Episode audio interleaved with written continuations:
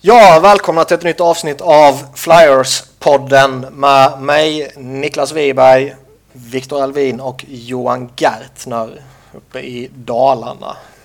Uh, ja. ja. Stackars Dalarna. Säger han som bor i Vimmerby. Ja. Det är, tur, det är tur att jag står för civilisationen i den här podden. Mm. Ja. Allt bra med er eller? Det är bra. Allt bra här. Vi gör väl så att vi hoppar direkt in på eh, de senaste kontrakten och det har ju hunnit bli några stycken sen senast faktiskt.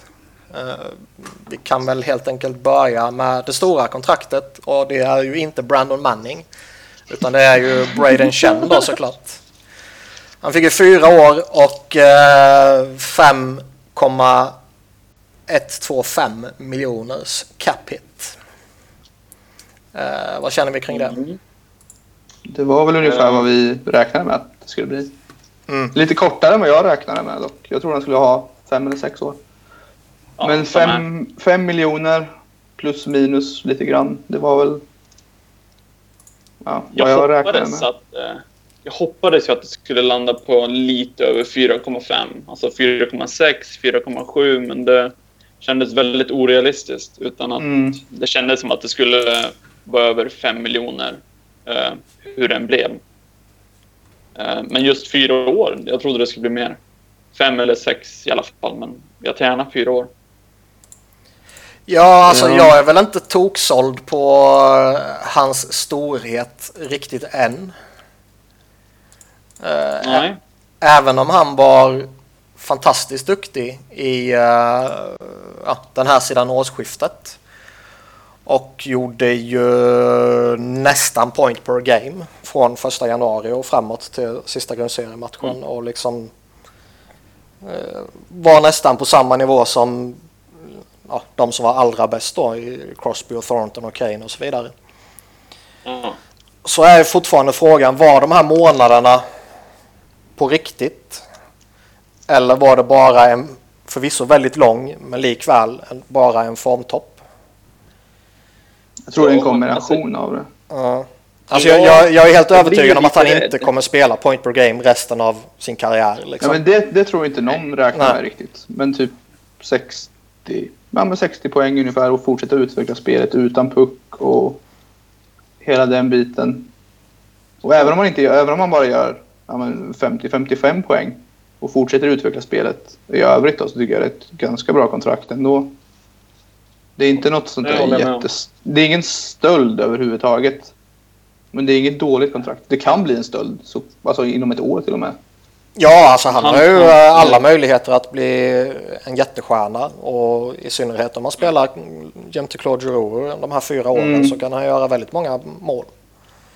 ja. Kan han göra 25 plus 25 eh, och kanske lite till. Eh, men han har ju ändå blivit bättre och bättre och gjort mer poäng för varje år. Det får man faktiskt Ja, han, han, han har ju han har tagit varit kliv hela tiden. Många, Ja. Ja. Men eh, jag är lite orolig att han kommer gå tillbaka till, eh, om man säger Braden Chen från innan första januari. Han är väldigt, var väldigt osynlig. Men jag hoppas ju att Hackstall har hjälpt honom att eh, Det- bli mer... mer det tror jag även, med, även om man inte gör poäng, liksom mer i matchen. Det var han ju Mm. inte annars om man inte gjorde mål eller poäng.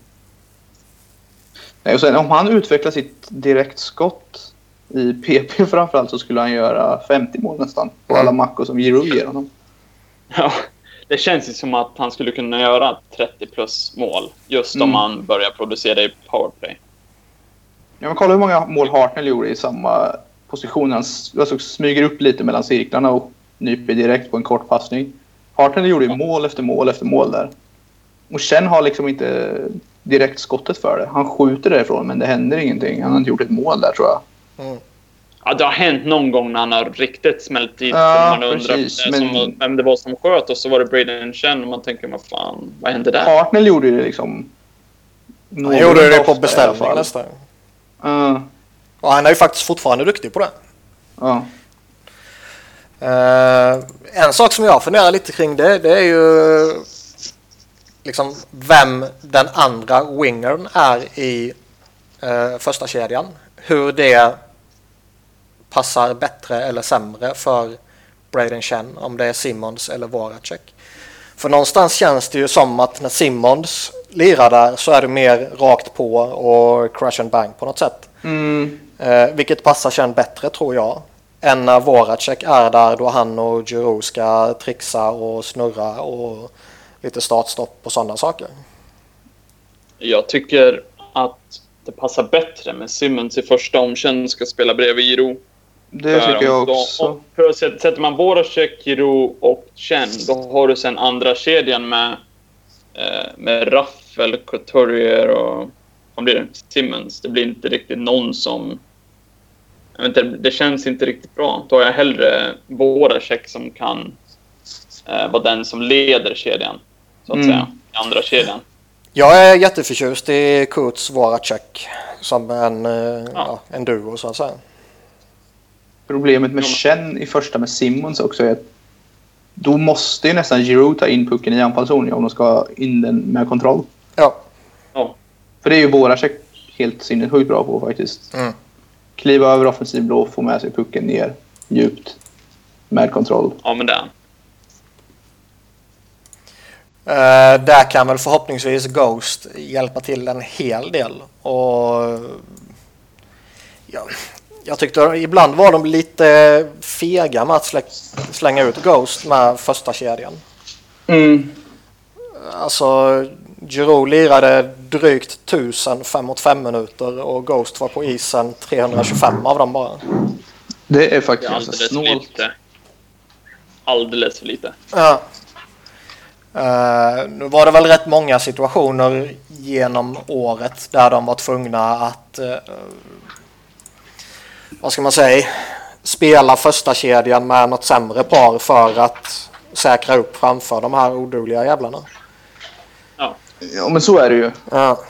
Eh, Så det påverkar väl till viss del men jag tycker likväl att 325 minuter av drygt 1000 minuter även om man tar in det här att Ghost inte var med exakt hela säsongen och så vidare så tycker jag att det är Mm. för lite. Det, det är Alltså, lite... jag förstår ju resonemanget att man kan tycka att Giroux första kedja borde liksom hjälpa eller att det, det är okej att sätta in det sämre backparet då. Mm. Men hur många gånger ser man inte att Giroux och om det nu är Chen eller om det är Simmons eller att just då första kedjan sätter, de har tryck och så lägger de upp på blå och så är det någon jävla sopa som står där som inte kan passa pucken till Manning eller någonting och så blir det ingenting till slut och så vänder det och så får de lov Mm. att försvara.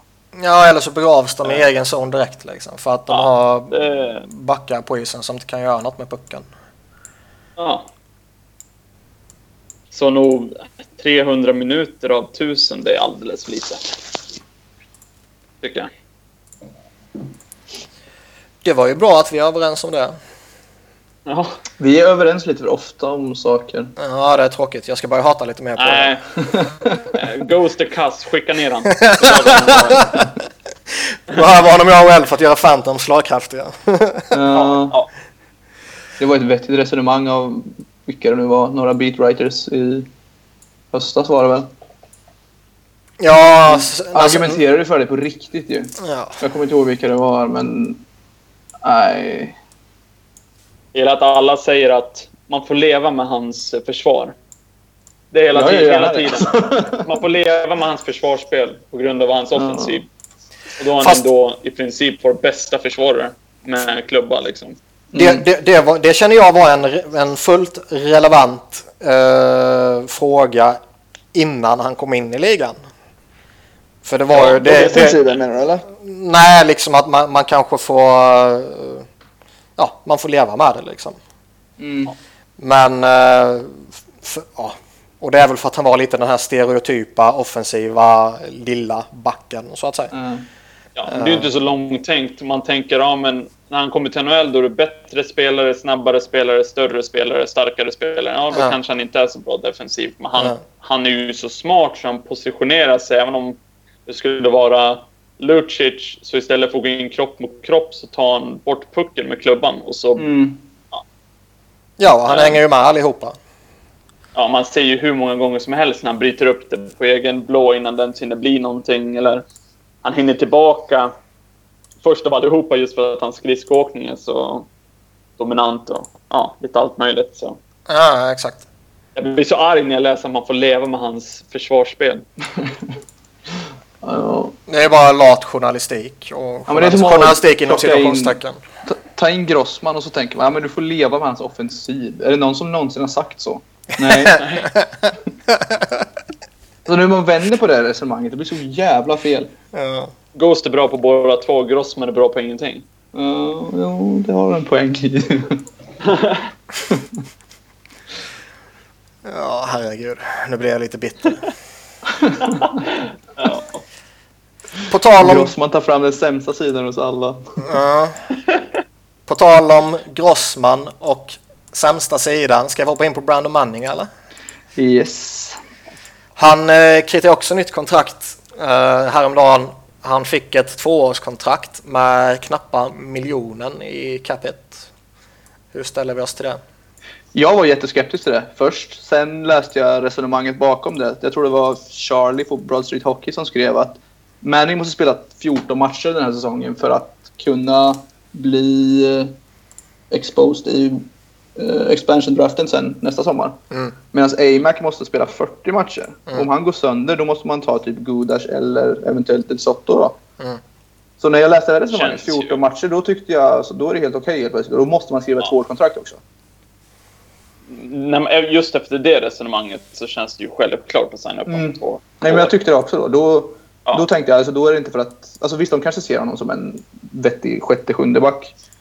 Och det kanske han är. Men då finns det liksom åtminstone en bakomliggande orsak till att faktiskt förlänga med honom också. Och Grejen om han inte han platsar som- så skickar du ner honom liksom efter 14 matcher. Ja. Mm. Grejen är att ska, inte, eller ska han vara sjätte och sjunde back så kan du inte ha en femte, sjätte back och kanske en fjärde back som är liksom Sprite så bra som han är och så Schultz och Andrew McDonald och grejer. Det går inte. Nej. Det är där det inte riktigt går ihop. Men just det här två åren, det, det gör mig ingenting om han blir... Eh, att han finns där för lag att plocka vid expansion draften. Det, det är nästan Nej, bra. exakt. Nej, så länge det är resonemanget bakom det, vilket man väl eh, får hoppas att det verkligen är. Men Jag tror det är en väldigt stor del av det i alla fall. Ja, Annars hade de nog, med tanke på vad som finns i övrigt förutom Manning, så tror jag de hade låtit honom gå. Ja. Eh, ja kanske. Sen har inte jag något emot eh, att man behåller honom. För det är väl som jag har sagt tidigare, jag ser ju hellre att Brandon Manning sitter och käkar popcorn på läktaren. Än att man sätter någon eh, liksom hägg bara för sakens Mm. skull. Liksom. Ja, ja, så är det. ja, men det håller jag med om. Han kan Eh. spela sina 14 matcher så kan han sitta på läktaren sen. Ja. Mm. Manning, det vill säga. För man behöver ju, ja, man behöver ju alltid ersättare. Och han, han är väl den ultimata, vad säger man, backupen liksom. Mm. Och tydligen, enligt vad man läser och hör, är han ju en väldigt bra lagkamrat också. Omtyckt i omklädningsrummet och tvekar inte att stå upp för sina lagkamrater ute på isen och sånt där. Mm. Och ju vara en, ha lite offensiv i sig, men de har inte sett någonting av. Jag vet inte hur mycket poäng han har gjort i... eh, Men det var det som var så fantiserande. Ja, han var ju verkligen en powerplay-specialist och gjorde ju gott om poäng där. 43 Ja. poäng gjorde han på Ja. 60 matcher år eh, 2014-15. Ja, och det har man ju inte sett ett skit av. För, för, för, förutom när han gjorde sitt mål. Ja. jag tror det är lite samma sak med Brennan också. Det, alltså, det går någon lite, lite för fort i NHL. Det funkar liksom inte. I AHL så går det att vara en riktigt bra jävla offensiv back och kliva upp i NHL utan att ha det där sista lilla så funkar det inte alls. Nej. Och han är ju inte direkt snabb heller. Nej. Nej, han är väl Men ingenting. ändå, jag tycker alltså han är odraftad, gått hela vägen inom farmarlaget. Det är ganska mycket cred för det också. Oh, ja.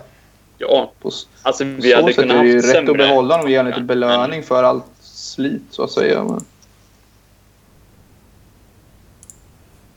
Nej, det håller jag med om. Och som sagt, det- just det här resonemanget med expansionsdraften, den är ju eh, tämligen viktig. ja, då blev det ju en no-brainer för mig alltså. När jag Mm. läste det resonemanget bakom det. För jag är inte helt såld på att jag vill spela McDonald halva säsongen. Nej, det är inte jag heller. Det Nej. tror jag inte Hackstall och Hextall är heller. Nej. Hoppas inte i alla fall. Herregud. Jag bara fick en bild 40 matcher med AMAC. Det så mycket, mycket yta i defensiv zon för motståndarna så jag blir mörkrädd. Konstant spel 4 mot 5. Men han bara backar ner bakom mål och står där och gömmer sig lite. Jag förstår inte hur... Någon måste ju säga till han stå upp på blå linjen. Han bara nej. Nej, vägrar göra det. Ja, nej. Nej, nej, nej. Så spelar man inte hockey. Utan låt dem komma in med, med fart. Hur ser ni på, på tal om, eh, om AMAC, hur ser ni på det här resonemanget som, som vissa för att eh, du har som spelare ett ansvar att leva upp till det kontraktet som du har skrivit? För vissa menar ju på att det bara, ansvaret ligger bara på laget. Det är de som har valt att ge Alltså, pengarna. Spelarna har tycker ingenting. Liksom. Jag tycker det är lite från person till person kanske. Alltså typ Stamkos. Han måste göra poäng för att leva upp till sitt kontrakt. Annars gör han bort sig. Alltså inte gör bort sig så, men det är han som, som inte gör det bra. Då. Han skulle leda vägen Men med poäng och mål. Ja, exakt. Men AMAC, liksom, det var ju ingen i hela världen som räknade med att han skulle få ett kontrakt över 2,5 miljon typ. Inte ens han själv kunde drömma om det. Så det tycker jag, alltså, det är klart han skriver det. Det hade vem som helst gjort. Jo, men om, om, jo, exakt, men det är det man menar. Men om du då väljer att skriva det kontraktet, eh, har du ett ansvar att kanske inse att det är för mycket pengar för mig? Men vad ska han göra åt det då? Nej, jag menar inte att han ska ta gå och säga till Hexal, nej, jag vill bara ha två miljoner. Det är inte det jag menar. Alltså, jag det, det, ska, det är ingen som förväntar sig det. Nej. Men, Men han men har ju ändå, han har ju ändå varit... vad sa du? Jag tycker... Ja, Jag kör sa, jag tror, alltså jag tror att... Eh, alltså jag, det är ju som vilket annat jobb, jobb som helst. Om de erbjuder den lönen eller om din agent säger att jag kan nog förhandla fram det här till dig och det är liksom högre än vad du kanske hoppades, då går man ju fortfarande med på det. Mm. Mm. Då tackar man ju bara ja. Sen så tror jag att... Jo, men i en sån situation På han, så- just när han inte har varit bra. Ja. Jag tror han har sagt också att han typ har känt att det var press. Eh, och det förstår jag. Men Mm. Det är ju liksom... Ja. Men det var det jag tänkte säga. Att han har ju ändå varit rak kan leva upp till det. Ja. Han har ju varit väldigt professionell med när han har blivit nedskickad och Mm. grejer. Så Mm. jag menar, hade han gjort... Ja, vi säger 20 poäng. Eh, lite under kanske, men varit liksom stabil defensiv. Som den, han blir betald för att vara ja, Mm. typ tredje, fjärde back. Så hade han varit en stabil fjärde back defensivt och inte gjort så mycket poäng offensivt, typ Coburn. Det är ju han han egentligen har ersatt, så Mm. pengamässigt. Eh, Då hade jag inte haft något problem alls. Jag bryr mig inte så jättemycket om hans produktion framåt. Visst, betjänar han fem miljoner så vill jag gärna se att han pungar in lite poäng. Men han är ju helt bedrövlig försvarsmässigt. Det är ju där man blir förbannad, Mm. tycker jag. Då. Ja, det är ju ingen snack om saken. Eh, ska vi lämna Manning och eh, McDonald och gå vidare till lite trevligare saker? Gärna. Ja, eh, Nick Cousins signar ju ett år och 840 000 i capita.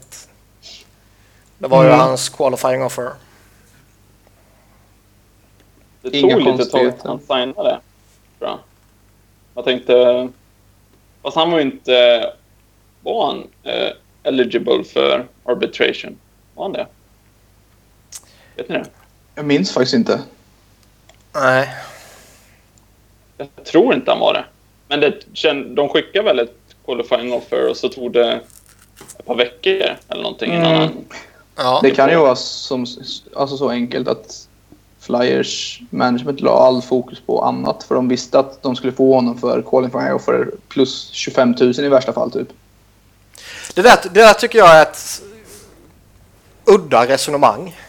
Det tycker jag också. Alltså, jag håller alltså, inte med om det. Man, man läser ju titt som tätt och, och liksom om massa olika lag och inte bara inom NHL utan flera olika idrotter också att de lägger all fokus på den stora stjärnan. Och Mm. liksom det, det är han vi ska signa upp först. Och vi ska inte Mm. göra något annat innan vi signar honom liksom. Jag tycker det är ett jättekonstigt resonemang. För man sit, oavsett hur man gör så sitter man inte och diskuterar 12 timmar om dagen med spelarens agent. Nej, det går ju liksom Han inte. var, han var eligible Ja. enligt cap friendly. Mm. Så, ja. Men, men det, alltså det finns ju fortfarande det här att okej, vi har ett eh, vi har ett lönetak att förhålla oss till. Vi måste se vad han kostar innan vi kan göra något annat. Det, det, det resonemanget är ju givetvis vattentätt. Det måste man ju Mm. respektera. Mm. Men det finns många situationer där det inte kommer vara ett problem och man vet på någon miljons skillnad ungefär vad den här spelaren kommer kosta. Mm. Och liksom, vad är det för GM som inte kan sköta tre eller fyra eller sju förhandlingar samtidigt? Jag har inga problem med det när jag spelar iside hockey med. eller hur? Eller hur? Det är inga problem när jag spelar NHL heller. Jag bara skickar ett erbjudande så säger de ja eller nej på typ ja. ja, 3-4 sekunder. Det är, det är inte så svårt. Men om man ser, och sen kan man ju vända på det också för man ser ju ibland när då vissa lag har en stor spelare kvar att signa och så blir inte han den första som signar utan det blir någon eh, eh, ja, en liksom tolfte forward eller sjunde backen eller något sånt här som signar först. Mm. Och så ser man supportrar som blir galna för att man inte signar upp stjärnan först. Det är såklart att den borde ju ta längre tid när det är högre lön och kanske längre term och grejer. Ja. Men jag, jag förstår precis vad du menar. Men det är ju så folk blir. att Så fort, eh, ja, typ om Manning blev signad för Chen så hade det blivit jävla... Ja, typ. Så där, det, Jag, jag tycker det är lustiga resonemang det där. Ja. Men, men för att hoppa tillbaka till Cousins. Vad, vi har ju pratat lite om honom tidigare, men ja, vad har vi för förhoppningar på honom? Alltså, han var ju jättebra när han blev uppkallad. Det måste man ju ge. Visst, han Mm. producerade ju inte varken kast eller bra. För de spelade ju inte speciellt mycket per match. Men Nej. visst hade jag gärna sett han och Låton ta ett litet steg offensivt. Förhoppningsvis så kan de göra det om de får lite mer speltid än vad de fick. De var ju i princip fjärde kedjan förra året. Mm. Även Mm. fast de var tredje kedjan. De spelar ju mindre än vad Vandervelde och de gjorde. Det gjorde ju alla. Jag tycker han är jävligt underhållande spelare att se på. Ja, Det händer med. någonting när han är på isen hela tiden. Liksom, antingen i ansiktet på någon eller så blir han överkörd eller så... Det är alltid någonting. Han känns lite som Marchand fast sämre. Ja. Ja, det är så så här, han, alltså- han retar upp allihopa. Ja. Jävligt underhållande spelare. Ja. Mm. Han har ju offensiva kvaliteter, man ser ju det på honom. Han, har liksom, Mm. han är relativt snabb, har ett bra skott, kan passa liksom. Så det finns ju potential att han skulle kunna göra en lite poäng. Mm. Jag är mer än nöjd om han landar på typ 20 poäng. Ja, där någonstans. 20-25. Om han spelar 82 matcher, det kanske han inte gör, men om man utgår från att han spelar 82 matcher så typ 20-25 poäng är jag jättenöjd med. Mm. Ja. Skulle gärna se honom få lite PP-tid också. Jag vet inte vilken roll riktigt, men Men med tanke på satt jävla Låton tire på fire... högersidan. Ja, med tanke på hur sket den andra uppställningen har varit under rätt Mm. många år så kan man ju prova vad fan som helst typ. ja, jag tycker det. Ja. Jag förstår inte varför de inte testar Låton på, om man säger Giroux plats fast på andra sidan. Och bara låta han stå och skjuta handledsskott. Han har ju ett jäkla bra handledsskott. Det är Mm. typ så han har gjort sina mål i NHL. riktiga så upp i krysset. Varför inte bara ha honom där och så ha någon som står och levererar pass till honom eller någonting. Mm. Jag vet inte. Mm. Jag tycker det är lite konstigt. Jag hade ju, Ryan White. Jag hade ju lite förhoppning om att Sam Gagner skulle bli någon form av mini-Drew i andra uppställningen. Ja, Ja, Men han, för han var ju han var ju rätt vettig på det i eh, Arizona. Men visst, då var det Ekman Larsson han passade till. Och inte vem fan det nu var som stod där. Ja, det var liksom Jag Med, ihåg Med, Medvedev eller Strite eller eh, Ja. McDonald eller Manning eller vad fan det kan ha varit liksom. mm. Ehm, Och istället för att ha Garnier där så hade de Couturier där. Så bara, Mm. ja, och det var också fel sida. Det blir jättekonstigt. helt fel. Ja, Det blir helt fel.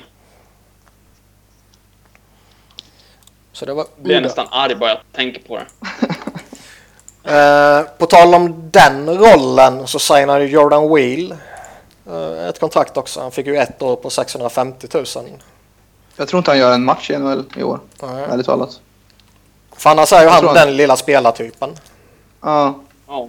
Nej, jag tror han spelar uteslutande AHL faktiskt. Jag tror de skickar ner honom efter campet när det är hundra andra spelare som är på waivers och ingen plockar honom. Mm. Han gör en jättebra säsong i AHL. Jag- De, eller Hextall säger ju hela tiden att han vill liksom ge en chans, men att det blev aldrig någonting för att de var i slutspelsrace och Mm. vad det nu var. Eh, Han sa, ju, han sa ju nu här i, i samband med kontraktet att de ser fram emot att se honom under kampen här nu för vi kommer ha många spelare borta på eh, World Cup. Mm. Så han kommer, precis. få, han kommer få lång tid med väldigt skickliga spelare. Och finns det för skickliga spelare kvar med Flyers som inte är på World Cup? Då? Jag kan ju tänka mig att han kanske kliver in på Claude Giroux plats i första kedjan. Liksom. Ja, kanske. Eh, Simmons och det är då det blir Chen. Chen, Simmons. Just det, Chen och Simmons är kvar. Ja. Mm. Så det skulle, det skulle Nej, det kul liksom testa honom där. Det, De förväntar, ja, de förväntar sig att han ska eh, producera nu under campet. ja. Eh, Mm. Just i de här matcherna. Och att han då ska visa att han ska ha en plats. Och jag menar, det hade ju varit riktigt nice om man hade kunnat bara blixtra till och bli en, om man säger en producerande NHL-spelare. Kanske inte som man gjorde en i AHL, men ändå så att det står inte 0 0 0 0 0 på hans Mm. score Mm. sheet efter matchen. Eh, nej, så det, Han var plus ett ändå på fyra matcher i Flyers. hade Superspelare. signa en McDonald-kontrakt. Ja. Ja, jag har för, jag för mig jag sa i våran eh, NHL-podcast att eh, det bästa man kan hoppas på är att han blir en toppspelare för Phantoms. ja, men det är lite den linjen jag är på också. Ja, Ja, Om alltså, han jag, jag blir har det också, ingen- då är det ett jävla bra lag där nere. mm. ja, jag har ju noll förväntningar egentligen på att han ska kunna komma in och bli en NHL-spelare som producerar. Det, alltså det finns inte i min värld. Men Nej, ja, man kan ju hoppas lite grann sådär utan att egentligen eh, hoppas samtidigt. eh, man vet ju aldrig. Nej, och liksom säga säg att han går in här och spelar med, med Chen och Simmons under preseason och, och gör det jävligt bra. Och, eh, sen kommer Giroux tillbaka och ska givetvis ha sin plats igen.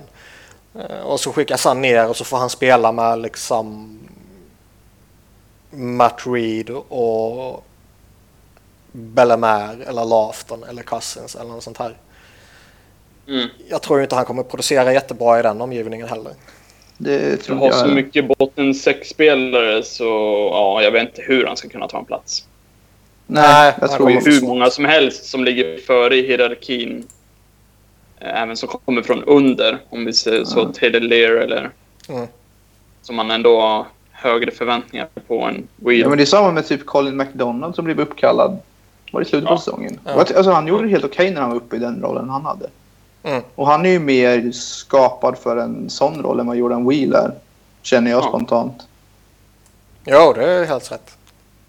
McDonald var ju bättre än eh, hela fjärde kedjan i princip. Ja.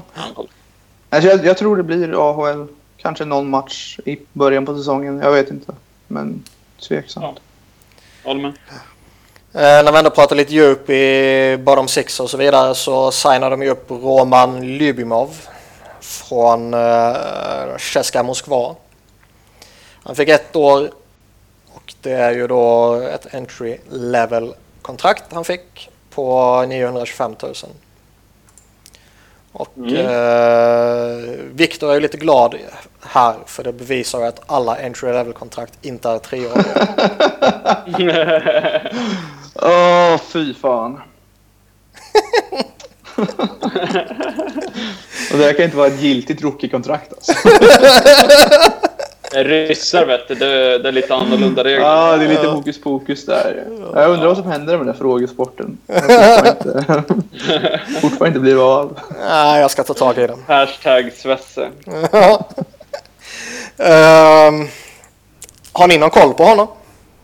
Noll, verkligen. Såg han i VM var det väl, när han var med med Ryssland.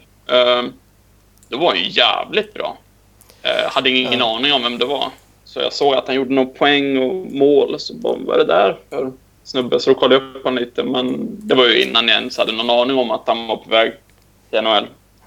Men just i CSKA Moskva så har han ju haft en, fått en sexroll. Han verkar ju vara en typisk Hackstall-spelare. Så stor, stark tvåvägscenter. Ja. Defensivt ansvarig som ändå kan göra lite grann offensivt. Det känns ju, som om man ska jämföra med någon annan, så känns det ungefär som en Raffel-signing. Men nu Mm. har gjorde ju Raffel 20 mål en Men det var ingen som räknade med det-. Nej, men så stabil defensiv, Mm. bra med puck. Kan ändå, han är ju liksom en, en bra hockeyspelare eh, Mm. som har liksom det mesta. Eh, har ett bra skott, kan passa, lite allt det där. Han är ju stor också och snabb och sådär. Men det Ja, är just det offensiva. Men kan man få in en, en stor botten sex-spelare som är liksom en tvåvägsspelare som ändå kan bidra lite här och där. Ja, varför inte? Han eh, beskrivs ju som en eh, straffspecialist också och det ska ju gudarna veta att Flyers kan ha behov av. Mm. Då ska han ju spela hela tiden. Så att vi kan plocka straffpoäng. Mm.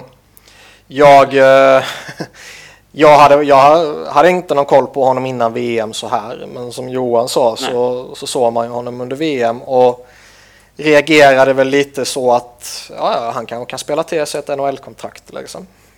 Mm. Där- Däremot när man tittar på statistiken från KHL och man tittar på hur många i ärlighetens namn väldigt bedrövliga NHL-spelare som har gått till KHL och som vräker in poäng. Så förvånas Ja. man ju lite över att han typ inte gör några poäng överhuvudtaget. Det kan ju det var vara... lite- Det kan ju vara liksom en hel... Nästan 100% coach-grej också. Jag vet inte vad... Nej, det de kan vara så. framför. De har ju alltså, de har ett jävligt bra lag framför Ja, honom. ja och fo- folk har ju sagt att han har liksom begravts nere Ja. i bottom six och inte haft någon chans att vandra uppåt och så vidare. Men liksom är Mm. du tillräckligt bra så kommer du ju vandra uppåt och du kommer ju göra dina poäng.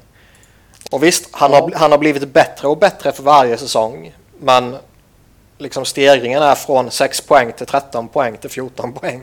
Mm. Ja, det är inte jättemycket. Uh, Alltså jag tror Det är lite... Förlåt, det är lite kul om man tittar på spelarna de signar och har gjort sen Hextall tar över, med vissa undantag såklart, och vilka spelare de draftar, så är det ju, speciellt nu i år, det är tvåvägsspelare. Det känns som de söker alltså, Anche de Kopitar draftar. Kopio rakt igenom när de letar Ja. Nej, men om man kollar dem de draftar i år så är det ju, eh, förutom målvakterna och om de vill någon försvarare, så är det ju liksom stora tvåvägsspelare. Mm.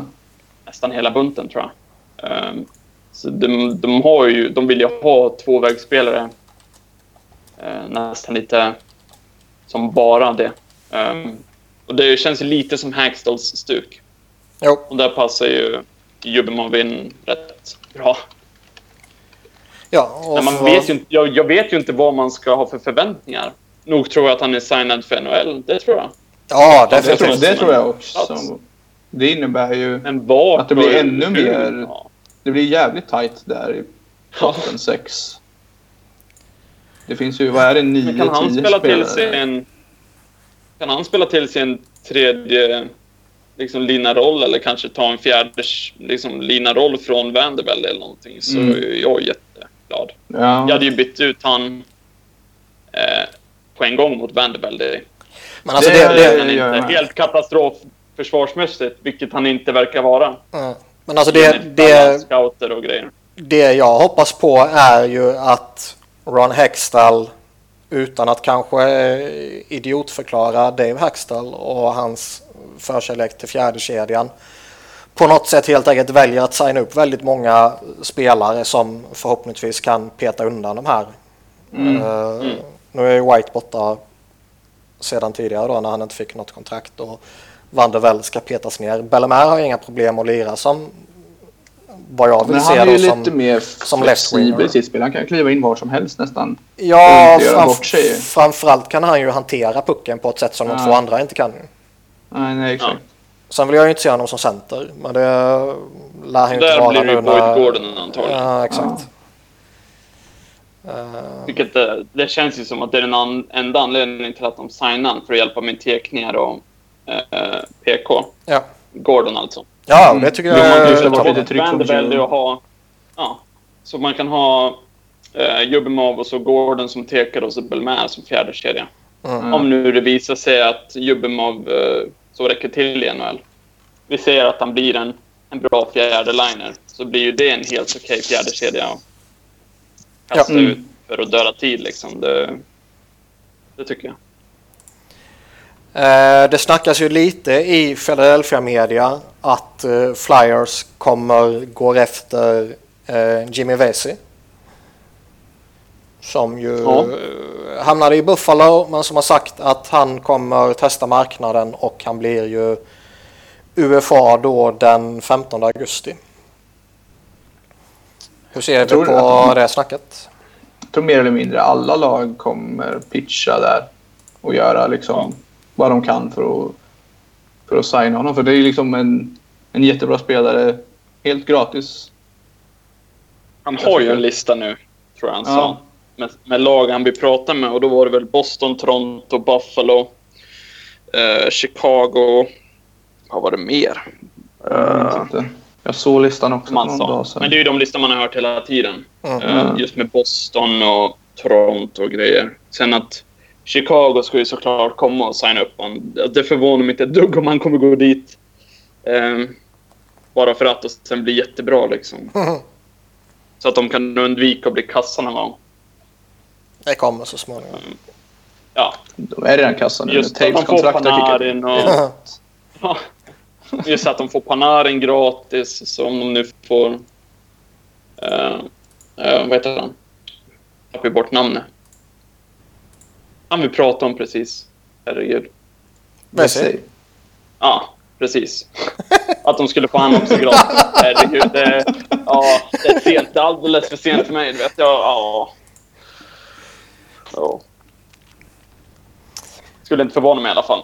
Eh, vi ser ju annars nu att alla spelare är ju under kontrakt och eh, en projected roster på 2 plus 7 plus 14 ger ju capspace på strax under en miljon.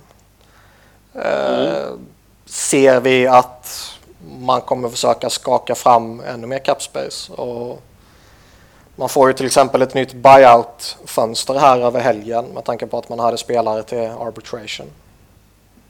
Jag tror inte det. Jag tror de sitter ganska lugnt och nöjda nu. Tror jag med. Ja, jag säger inte Det att man köper liksom ut någon liksom. Nej, Nej men alltså det finns... Kon- jävlar, nu är det någon jävla video som hoppar igång på Elite Prospects. Hjälp. Eh, det finns så mycket konkurrens om alla positioner mer eller mindre. Alltså från andra målvakt hela vägen upp till... Ja, men, vi har ju en första line. Men alla andra platser finns det ändå konkurrens om. Så jag tycker inte de Det ska behöver skapa en något utrymme för att göra någonting. Ja. En andra left-winger som är positionen som verkligen många kan slåss om. Du har ju Raffel och, Ja. eh, som just nu har den, skulle jag vilja säga. Men Mm. det är ändå många som skulle vilja ha den, det tror jag. Eller, Men jag tror inte det liksom men, finns något vettigt att hämta i Free Agency riktigt. Det, vad finns det? Typ Alex Tangi och Verbata. Det är det jag menar, att du har ju, du har ju Raffel och så har du Matt Reed som antagligen kommer Ja. vilja slåss om den platsen. Och så har du väl lite de här yngre, Lawton kanske vill slåss om den. Han har ju varit bättre på kant. Ehm, men det är ju ingen som jag riktigt ser som går in och tar den. Det är därför det hade varit riktigt nice att få uh, fått in BC och sen eh, sätta in han direkt i andra kedjan. Mm. Så han, han passar ju in på en gång. Och det är ändå ett bra argument för att faktiskt få signa honom också. Att, Ja, alltså säger man det till honom att du kommer få spela i första eller andra linan bredvid Couturier, Voracek, Simmons, Giroud. Nå, Ja. Alltså en kombination av dem. Mm. Det är ändå ett ganska bra säljargument så att säga. Jag vill verkligen ha ner Raffel i tredje kedjan. Mm. Jag älskar Raffel, men han är ju som perfekt tredje liner. Mm. Ja. Så hade man kunnat fått in en topp 6 left-winger, vilket Jimmy Vesey är, så ja. Jag kan ju... Han, han alltså- passar ju in perfekt där. Ja. Beroende lite på vad, hur man vill göra med eh, den gode Andrew McDonald. Om man vill behålla han uppe eller skicka ner och så vidare så kan jag väl kanske se ett behov att göra sig av med någon annan back. Mm. Ja. Eh, just Och för att... snack om att Matt Reed skulle tradas också.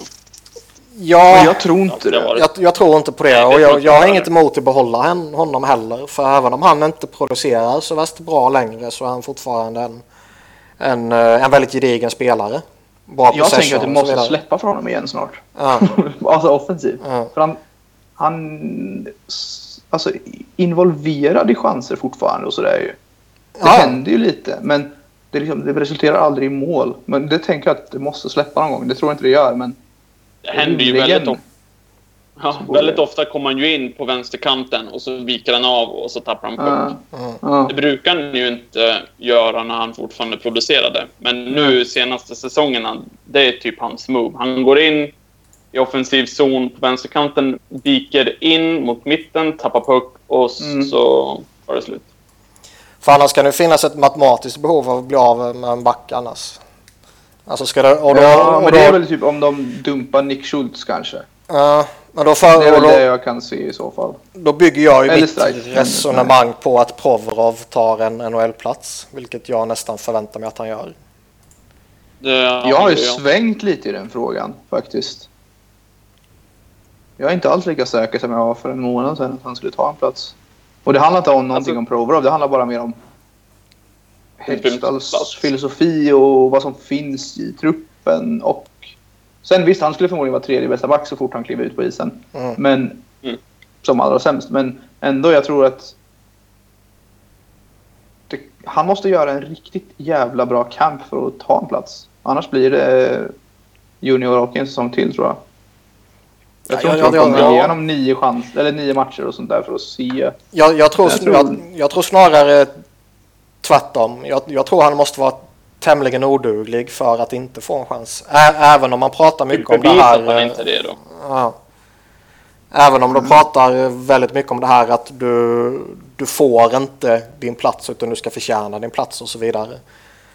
Så, Men jag börjar tro att det ligger mer och mer allvar i det. jo, Alltså, till- alltså hårt allvar, inte bara så här att hårt snack utan att det faktiskt kommer hända. Om inte han är helt fenomenal i campen så ja, visst, kör VHL en säsong till då så... mm, jo det kan Mm, nog ta ligga något i det men jag, jag är fan inte Jag hoppas förtjust att i jag har fel. att- ja, Jag vill fan se honom i NHL. ja, jag är inte förtjust att skicka tillbaka honom till juniorhockeyn en gång till. Alltså. Det känns ju inte som att han... Alltså, så dominant som han var förra säsongen. Det känns... Visst, jag tror inte att det skadar på något sätt att skicka tillbaka honom igen, men det känns som att han är redo nu. Ja. Mm. Eh, Så det känns bara onödigt att skicka tillbaka honom. Varför inte bli bättre nu än att vänta ett år bara för att vänta? Lite Mm. så känner jag. Ja, och liksom det, det är ju bättre att skicka in de här unga backarna liksom lite pö om pö. Så att, Mm. ja, vi fick in Ghost förra säsongen. Vi får in Provorov denna säsongen. Nästa säsong får vi in Sandheim och någonstans under denna säsongen eller nästa säsong kommer vi förmodligen få in Sam Moran också. Mm. Mm. Eh, och på Nu ännu... kommer Connectny. Ja. För liksom det, det känns... Alltså gå in i nästa säsong igen. Med både Sandheim och Provorov som två färska rookiebackar. Mm. Det tror jag inte heller man är jätteförtjust i. Nej, det tror inte jag heller. Nej. Och det är ingen... Det talar väl lite för att han faktiskt blir kvar i NHL också. Ja. Ja, det känns ju som att de tar in en ung spelare i taget. På backsidan i alla fall. Det ja. känns ju... Ja, det är jättegärna gått med på det. Än att ta in två stycken nästa år. Mm. Och sen, Eh, vet, sen nej, vet man jag, inte. jag, jag tror helt, han blir kvar. ja. Och sen helt plötsligt så gör uh, uh, Flip Myers dundersuccé bara lever vidare. Så han ska också in om ett år. Och så står det helt plötsligt Ja. med, med tre rookiebackar som springer liksom. Ja. Uh, Nu tror jag i och för sig han kommer behöva längre tid. Men, det, ja, det, det tror jag också. Men man vet Typ aldrig. Hägg, säger vi. Ja. Eh, så det, ja. Det, det, det är så mycket som så talar så logiskt för att Provorov måste in i NHL nu. Mm. Det är sig Mm. sant. Det blir lite mäckigt att få in tre, fyra rookiebackar på två säsonger annars. Ja. Nej, jag hoppas, jag hoppas han spelar i NHL. Jag är bara inte lika övertygad som jag var för någon månad sedan. Nej. Jag var ju övertygad på Connectny Mm. eh, innan hans skada. Nu så tror jag att de skickade iväg han om man inte skulle dunderdominera. I vilket Det fall gjorde han fan nästan förra kamp. Mm. Han är ju så bra. Han, han syns ju så väl på isen just för att han är mm. mindre och så snabb och spelskicklig. Så han syns Mm. ju verkligen. Eh, Men just den spelartypen, det är ju precis det jag gillar. Han kör igenom vad som helst. Verkligen så Alltså, liksom. alla, alla, Parternas liv. Alla de här signingarna de har gjort för både de sex talar ju väldigt mycket emot Connect nu. Mm. Ja, ja. Nu, nu, jag, jag tror inte att han kommer att Eh, eh, bli kvar, men jag trodde för ett par månader sedan. ja, ja, jag förstår vad du menar. så, när, när han precis hade gått till Sarnia Mm. och var så dominant och bara köttade allihopa i princip. Det som kanske... Det, ja, det Ja. som kanske kan ske det är väl om typ Simmons eller Voracek drar på sig långtidsskada. Mm. Ja. Precis. Fast jag tror inte de tar Connecting i alla fall. Då tror jag de tar typ Wheel eller... Lear Någon- eller någonting. Ja, precis. Någon annan. Det finns ju ändå alternativ där också. Oh, ja. Och jag gillar, jag gillar som fan att Hextall har skapat den, den konkurrenssituationen överallt. Att, för, för några år sedan då fanns det liksom knappt ett alternativ ens att plocka upp från AHL om någon gick sönder. Nu finns det Han liksom har ju, tre, fyra stycken som man kan välja mellan. han har ju verkligen skapat en konkurrens i NHL i botten 6, även i topp 6. Det är en konkurrens på målvaktssidan, både NHL och AHL. Det är konkurrens på backsidan i NHL och AHL. Det är liksom konkurrens, om man säger båda lagen, AHL och Mm. NHL-laget. Så det är konkurrens om nästan varenda plats. Och det har man inte varit bortskämd med som Flyers-fan direkt. Mm. Det har varit, inte. Det kommer ju förmodligen, eller förhoppningsvis, göra så att spelarna blir bättre också. mm, Just för att de höjer sig på grund av att det är så mycket fight om platser. mm. Eh, känner vi oss nöjda med Flyers snack för den här gången så vi hoppar över på lite divisionskonkurrenter kanske. Det kan vi göra. Snacka lite skit om de lagen. det tycker jag. Det kan man spendera många timmar med. Ska vi börja med Hurricanes? Eh, De. Ja. alltså, jag tycker att det är ett så jävla tråkigt och grått lag. Det är lite Devils, intetsägande.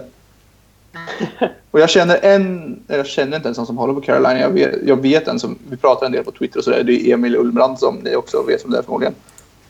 Det är Ja, Emil enda- som, som vi pratar rätt mycket om i NHL-podcasten och som folk, som folk på riktigt Den enda Nej, men fo- folk, folk trodde inte att han var verklig. Han trodde att det, folk trodde att han var ett internskämt i podden. Men vi pratar om Carolina-supporten Emil. Är han verkligen verklig då? Jag har träffat Han honom. är, i, så, han är i Portugal nu ju. ja, det är därför vi snackar skit Så om han honom. kanske, han kanske missar att lyssna på det här. Men eh, jag har träffat honom så jag kan intyga att han, eh, han finns på riktigt. Det kanske var någon som låtsades vara. Ja, i och för sig. Ja, har du bild? Har du video? Har du Ja. Nej, men alltså, grejen med dem, de- jag tycker de är jävligt tråkiga. Jag, jag kollar på väldigt mycket NHL, men jag ser aldrig en match med Carolina. Men så kollar man på deras trupp och alltså, den ser ju väldigt intressant ut på pappret och sådär. Men jag kan liksom inte... De har gjort några intressanta grejer och de har ju några intressanta spelare här. Liksom. De fick in Terravainen och Sarala och de har Aho på gång nu och så vidare. Uh, och backsidan är jättekul att kolla på, Ja. tycker jag ändå. Ja, folk är ju jätteunderskattade och Hanfin kommer ju bli De är ju verkligen skitbra. så på G. Det får man Ja. ge dem. Ja. Eh, Men det är fortfarande Francis, så Van Francis, deras jävla GM har gjort ett... Ja, deras, deras GM har gjort ett jäkla bra jobb. Mm. Uh, Frågan är ju bara vem, närma sig. vem, vem ska vara deras offensiva ledare? Skinner. Ja, det är Skinner och. Jordan. Ja. Är de spelarna som gör dig till ett riktigt lag så att säga? Nej. Skinner är nog det, Eller. Skinner är jäkligt bra, tycker jag. Ja. När han är hel. Men han är ju alltid hel. Det är ju bara något folk har fått för sig att han är skadebenägen. Han hade, väl, han hade väl något där han var borta Ja, men rätt det var länge, typ någon hjärnskakning. tre år sedan eller något. Fyra Ja. år sedan. Ja. Okej. Jag gick in på hans eh, på Elite Prospect. Alltså jag Eh, tänkte samma sak som du gjorde bara för... Jag kommer inte ihåg vem man pratade 82 med. matcher. Ja. 82 matcher, 64 matcher, 42. Det var väl... eh, Det måste Lockout-säsongen. väl ha varit Mm. lockout-säsongen. Ja, 71, 77, 82. Så han är ju inte skadebenägen Ja. alls ju. Det var något... Ja, grej för att då- han fick, några, han fick ju typ två hjärnskakningar på kort tid ju. Ja. Nej, jag tycker han är bra. Mm. Eh, Men alltså, han kan lätt bära en offensiv tror jag. Alltså li- lite som Pat Kane fast såklart inte lika bra men Mm. han måste ha såklart rätt center för, och rätt omgivning som nästan alla spelare måste ha för att kunna lyckas producera offensivt. Men mm. jag tror absolut att han, är, han, är han din bästa offensiva spelare så kan du definitivt vinna Stanley Cup, det tror jag. De Eh. behöver ju Lindholm som ska ta ett steg och börja Mm. producera lite mer NHL. Och sen kommer ju finnarna in.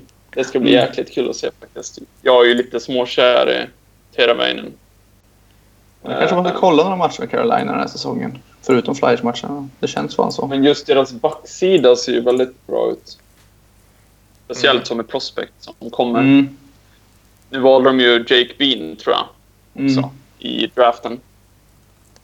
Um, annars än det, ja. Är de ett hot kommande säsong? och Eddie Leck. Känns ju inte jätte... Nej, det du, är- den här säsongen? Ja, För slutspelsplats? ja, det, är- ja, det är väl det man får säga för lagen som Eh, ja, men jag tror väl de kan vara ungefär som Flyers. Någonstans där.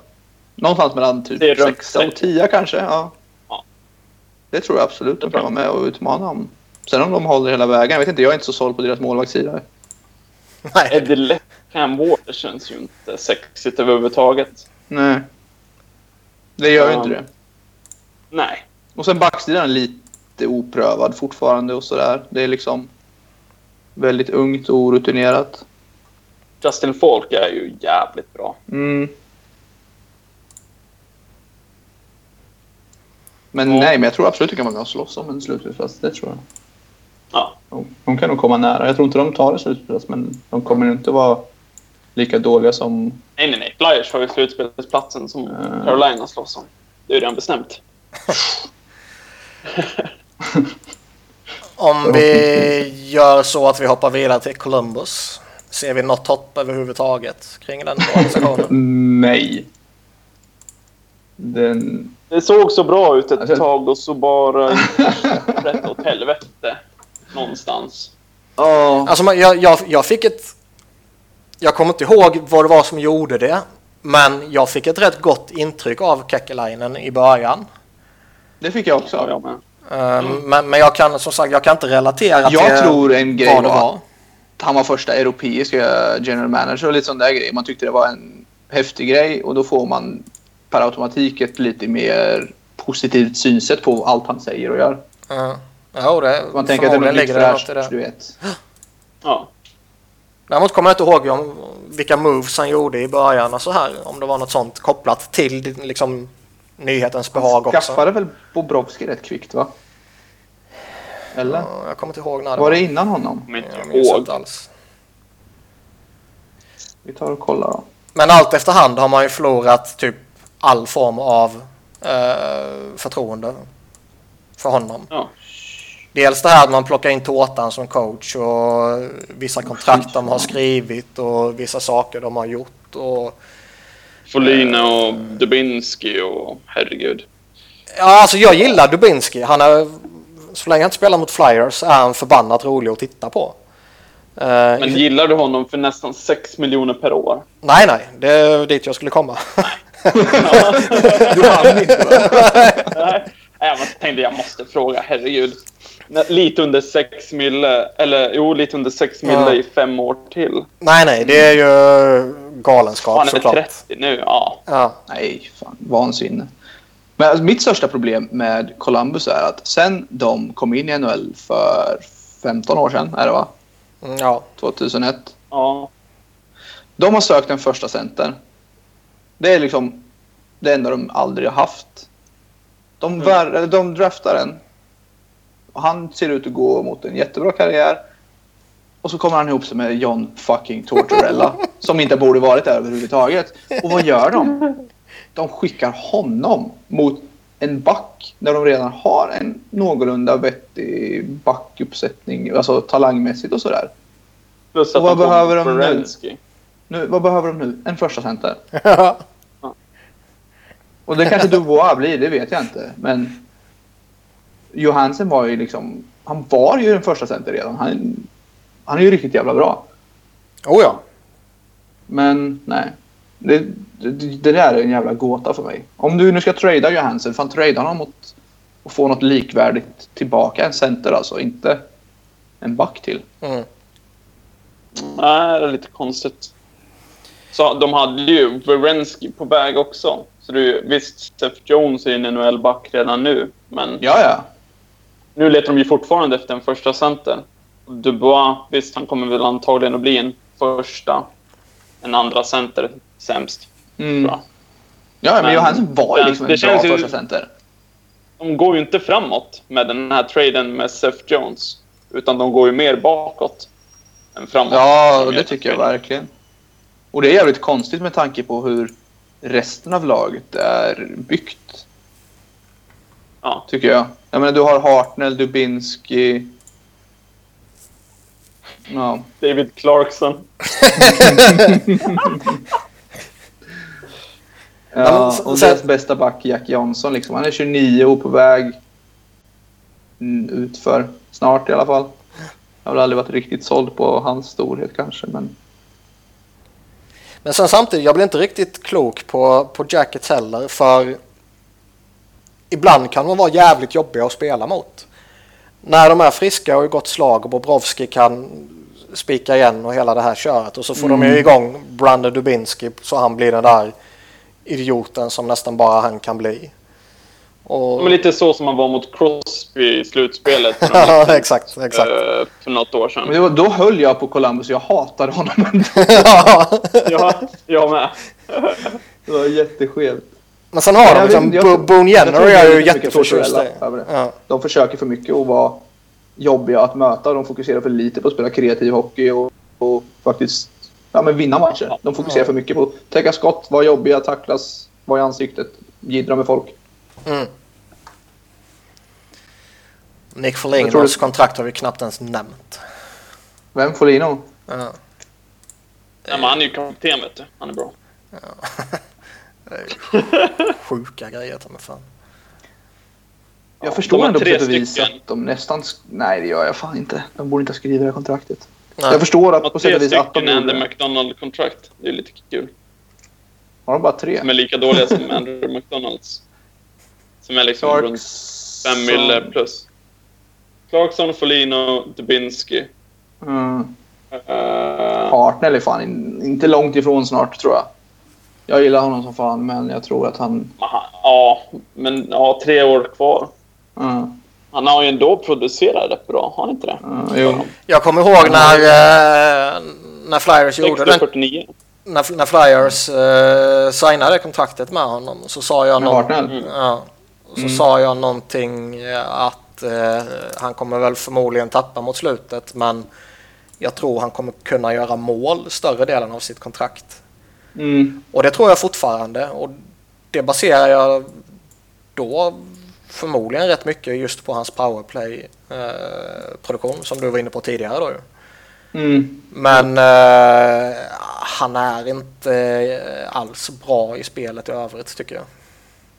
Nej, men han har ju ändå gjort 60 poäng, 28 mål eh, första året i Columbus och sen Mm. 23 mål, 49 eh, andra året. Jag menar, Mm. visst, han var ju inte lika bra i år, eller förra säsongen. Nej, man, väl kan, Men man kan gjorde väl se ändå- en... Han gjorde ju ändå sina runt 50 poäng. Ja, ja, absolut. Mm. Men jag, jag tycker ändå man kan se i hans spel att det är förmodligen en liten Åh, dipp på gång här nu. Han fortsätter ta sina dumma utvisningar. Och Men jag tyckte sina- det var på gång sista säsongen i Flyers också, även att han Ja, producerade någorlunda bra. Man såg ju att han var ju som han var två år innan till exempel. Ja. Innan. Mm. Sen fick han den där skadan under lockout-säsongen. Och, Ja. Skott på Den- foten. ja, den tror jag hämmar honom lite ändå fortfarande. Alltså, trots att det borde vara läkt och klart och sådär. Men Mm. Sen har han ju aldrig varit en bra skridskoåkare, så man ser kanske inte att han har blivit ännu sämre. Nej, men han gjorde något bra av sin dåliga skridskoåkning i alla fall med Hartnell down-grejen. Det får man ändå ge honom. Ja. Alltså jag älskar Hartnell. Mm. Jag saknar honom så väldigt mycket så karaktär eh, i laget. Men eh, ja, Ja, men nu har vi inte Umberger längre. Nej. Då är det, nu är jag helt plötsligt ganska nöjd med den där traden ändå. För jag skulle inte vilja ha Hartnell i två år till. Nej, Faktiskt. inte alls. Nej. Men Columbus har det, de är säkert nöjda. Mm. De vill ju trada honom också. Mm, Jaha. precis. Eh, ska vi hoppa till eh, Devils? Vi hoppar över Devils. Detta hemska lag. Nej, de är roliga att prata om för de har så mycket roligt som händer hela tiden. Ja, men nu har de gjort en bra grej, så nu är det inte att prata om. Ja. Hade Eh, de tradat Taylor Hall mot Adam Larsson hade jag gärna pratat om Devils i en timme till. Ja. vi bojkottar Devils och hoppar in på New York Islanders. Ja, det kan vi fan göra. Tycker jag att... eh, Där gör vi ett bra statement. Vi, vi går på Islanders. Mm. Ja. Stackars Petter är det väl bara som inte får lyssna på oss såga Devils. Ja, jag tror han kan överleva. ja, förhoppningsvis. Eh, ser att Islanders tar ett kliv till. Ett kliv bakåt. Kliv bakåt utan tvekan tror jag. Mm. Utan tvekan tror du. Ja, men vad fan. Ja, men Andrew jag, Ladd och... Vem fan var det med? Jason Chimera. Ja, men så jag tycker att Okposo är en mycket bättre spelare än vad Andrew Ladd är. mm. Ja, jag med. Så varför inte försöka förlänga med Okposo istället och skippa Ladd? Han gick säkert ut och sa att han inte ville stanna. Skulle jag vissa. Ja, men då får man ju fan försöka lyckas få honom att stanna ändå på något sätt. Alltså kan du inte övertyga... 500 000 mer. Kan du inte övertyga en spelare att spela 7-8 år jämte John Tavares så Då vill man lämna. ja, då vill du verkligen lämna liksom. Vad det kan Buffalo va? Ja. Ja, nej, jag vet inte. Jag tycker det är ett jävla steg bakåt. Tror jag. Kan, alltså, kanske inte Jag just... I år kanske de producerar ungefär lika mycket Ladd och Okposo är ungefär likvärdiga spelare. Men Jag, jag tror att Ladd kan... år. Ja, kortsiktigt tror jag att han kommer göra det bra. Men eh, Mm. Längden på det kontraktet är ju... ja, men vet, hans kontrakt går ut 2023. Ja. Ja. De tappade ju Frans Det- Nielsen också. Ja, och Det- det är ett ganska tungt tapp tror jag. Ja. De Det är lite in- roligt att han, han fyller 31 i år. Han har inte fyllt den. Mm. Nej. Alltså Andrew Ladd var en personlig favorit Ja. i många år och eh, vad jag tror en tämligen underskattad spelare i ligan också. Jag tycker han är Men- bra. Jag gillar Andrew Ladd. Ja. Men hans kontrakt är ju helt galet. Men de dagarna tror jag också är förbi nu. Man har sett tydligt Ja. här mot slutet att eh, han har blivit gammal, han har blivit lite sliten och han har och så vidare och så vidare. Mm. Nej, jag tror ju inte på det kontraktet. Alltså, det kommer blåsa upp i ansiktet på dem ganska omgående. Mm. Jag tror han kommer ju droppa Jag tror- fortare än Hartner till exempel. Hartner är 34 nu och fortsätter vara bra. Jag tror inte Led är i närheten av att vara så bra som Hartner är Nej. när han är 34. Nej. Jag tror ju fortfarande att Islanders kommer vara bra eh, nästa år. Alltså säsongen som kommer. Men det tror jag. Så länge John Tavares... Vara, eh, fortfarande, ja, vara slagkraftiga och sådär och Mm. gå till slutspel och så får man se vad som händer där. Men det är ju inte en bra sommar för dem. Just med Men Andrew Ladd och- Nielsen också. Ja. Han tar är ju en jävligt underskattad tvåvägscenter i mina ögon i alla fall. Han får aldrig någon cred för att vara alltså Ja. en av de faktiskt bättre defensiva centrarna i NHL. Sen gör han... Dock börjar han bli gammal redan nu. 32 bast. Mm. Det känns dock som att han är 25 ungefär. För jag, tycker, Ja. jag vet inte. Han har alltid varit 25 så han fortsätta vara det. Ja. så de tappar dock och de tappar Nilsen. Vilka tappar de? Har de tappat någon mer? Matt Martin. Ja, Det är ju bara... Jag vet inte. Med det kontraktet Och så han fick så gör de- det ingenting. Nej, där uppgraderar Så de jag sig ju när de plockar in uh, Chimera. ju. Ja, men jag tror fan det. Även att Chimera är 37. Ja. Oj. Så, nej men då tror jag det är en upp... Ja, jag tror det är en förstärkning ändå. Ja. Men de måste ju verkligen alltså, be för allt. Att... Eh, vad heter han? Då behöver vi Parento också, som de signar. Att han Strong menar jag. Han ska ta några kliv till. Men det verkar Mm. han inte göra. Ja. Han är inte ens signad än så ännu. Det var därför jag inte hittade honom. Eh, ska de ta ett kliv till jämfört med eh, den gångna säsongen så känns det som att Tavares måste uh, maxprestera och Mm. allt annat måste gå deras väg också. Ryan Strome måste hitta Andrew tillbaka till fjol, eller förra, förra säsongen. Mm. 14-15. Andrew Då var han ju Ladd bra. presterar liksom 60 poäng. Mm. Parento gör sina 20 plus mål. Typ Matthew Barzal om han går in. Typ att han kan gå in och leverera någorlunda på en gång. Och sånt där. Det är mycket det. Halak måste stå på huvudet också. Ja, då har hela det här gänget med Lee och Bailey och Nelson och så vidare som Mm. måste Brock driva Nelson på. gillar jag. Ja, jag också. Jag med. Men eh, Ja, men. ska de få ihop allting och liksom kunna hota i ett slutspel så ska nog alla Mm. pusselbitar behöva falla på plats. Så jag tror de lika gärna kan missa slutspel. Ja, det absolut. tror jag i och för sig om nästan alla lag i divisionen utom Washington och Pittsburgh. Då. Jag tror att Mm. om Tavares ligger på under... Eh, under... Om, eller om, man, om man inte når liksom point per game och verkligen Mm. så leder dem... Så tror jag inte de... Eller så tror jag att de kan ligga runt strecket. Och då kommer det ner till hur bra eh, Flyers och Carolina och typ Ja. Devils eller vad det nu kan vara är. Men jag tror de ändå kommer gå till slutspel. Det känns som att Tavares kommer att fixa det åt dem. Ska vi hoppa över till ett annat skräpgäng? Ragdolls. Mm. Smuts. Ja. Här finns det lite roligt att prata om i alla fall. Ja. Men vi kan väl börja med traden de gjorde häromdagen. Uh, ja. Brassard mot Zibanejad. Zibanejad. Som jag väl i ärlighetens namn får säga är väldigt bra för Rangers. det tycker jag. Brassard tror jag är, eh, jag tror han är underskattad. Han är en, eh, han är en bra andra center. Eh, Problemet är väl att han är, eh, ja, börjar bli gammal och han är relativt eh, hög capita och Mm. kommer väl inte bli bättre än vad han är liksom. Medan Zibanejad är yngre, han är billigare och han producerar eh, nästan likvärdigt. Och kommer väl förmodligen bli bättre. Det Det bör han ju bli. det. Alltså jag tycker Zibanejad är en sån frustrerande spelare att se på. Det, han är en sån där det verkligen syns att han har så mycket mer verktyg och så mycket mer potential än vad han fått ut än så länge i karriären. Mm.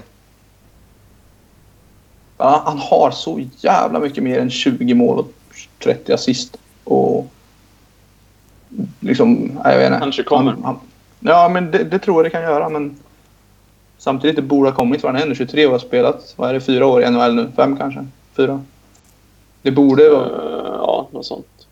det borde vara närmare och verkligen blomma ut än vad han känns som att han är. Men, men han kanske behöver miljöombyte. Det kanske är lättare för honom att vara duktig i New York Rangers än vad det var i Ottawa. För När han får passningar av Dan Girardi istället för Erik Karlsson. Ja, det... Nej, men det, alltså det är en sån grej som gör att han kanske... om man ska vända det till något positivt då. Så är det att han kanske måste ta mer ansvar och hämta mer puck djupt på egen planhalva och liksom få transportera puck mer. Mm. Jo, han helt har. Girardi, Stahl, vilka är det mer? Nick Holden. Ja, det är inget, alltså det är inget jättesexigt försvar de har om man ska kolla puckmovers liksom. Nej. Dylan McIlrath. Mm.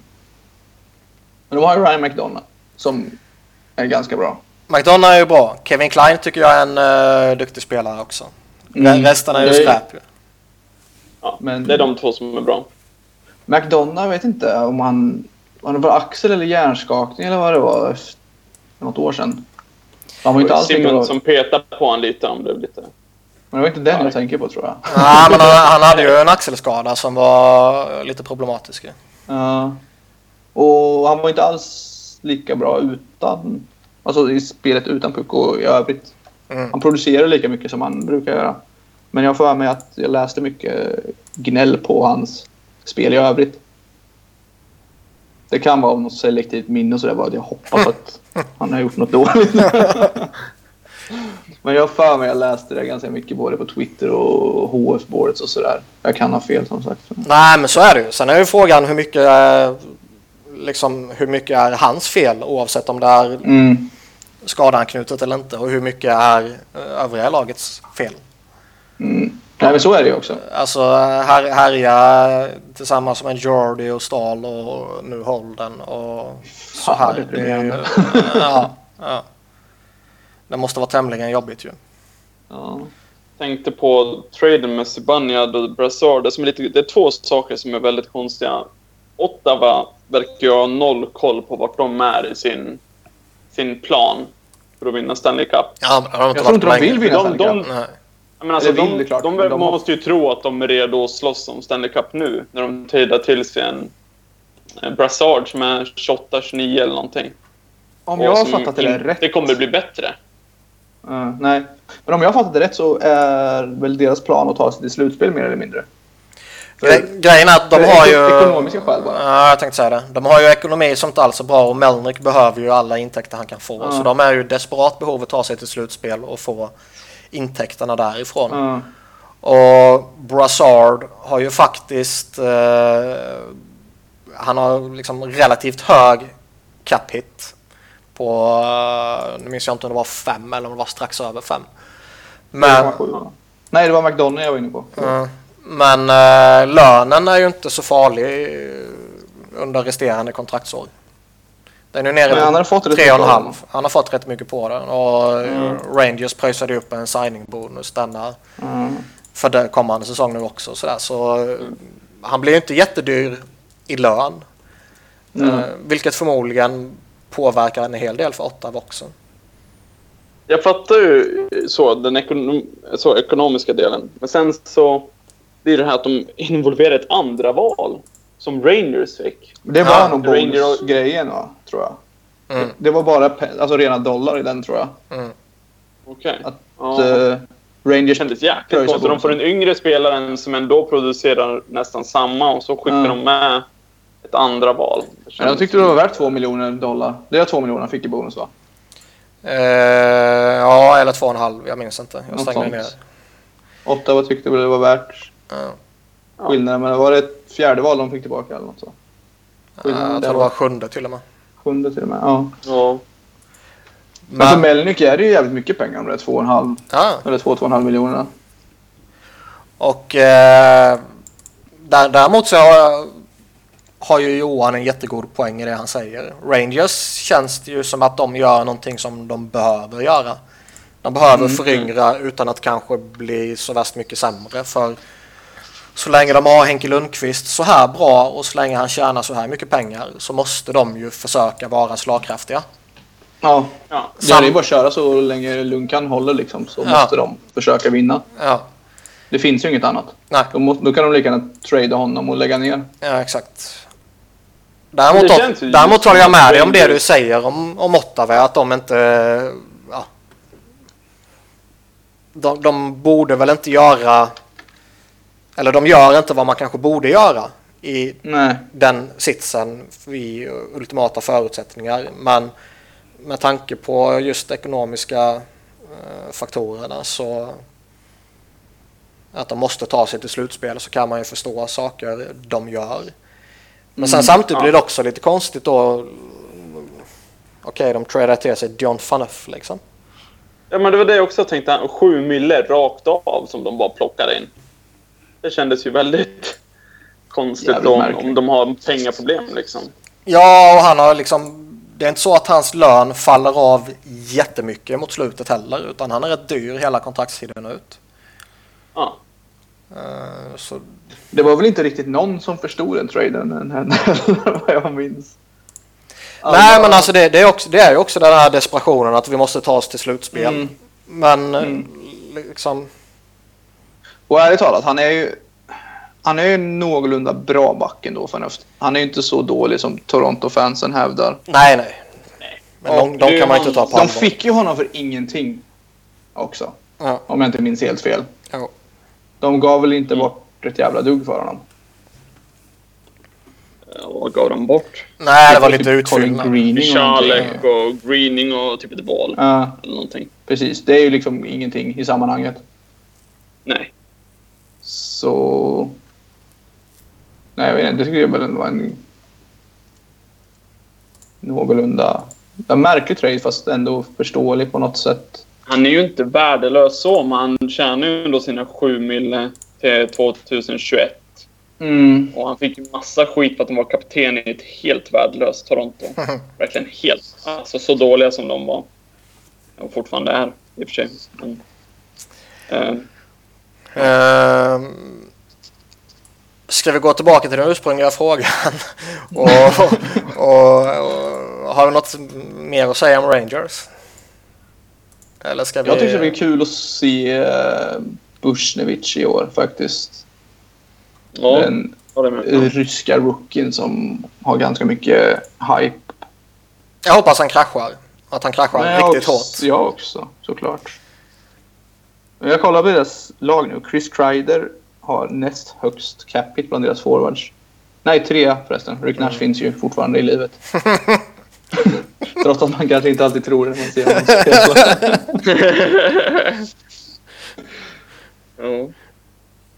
Men alltså grejen är... har ju ju- signat Jag, jag tycker Rangers... Grabner och Gerby som är mindre spelare, så de kommer ju få spela med massa fart, vilket de Mm. har gjort. Men de grejen ju är... Zuccarello som också är ja, mindre.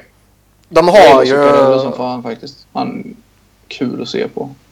De, jag tycker de har väldigt många vettiga pusselbitar. Liksom Stefano Ja. Kreider, Zuccarello, Miller, Zibanejad nu. Kevin Hayes är jag förtjust i. Och Mm. ja, McDonough som vi pratade om tidigare. Och Henke Lundqvist är ju... Nash också om du inte sa honom. Så, nämnde honom.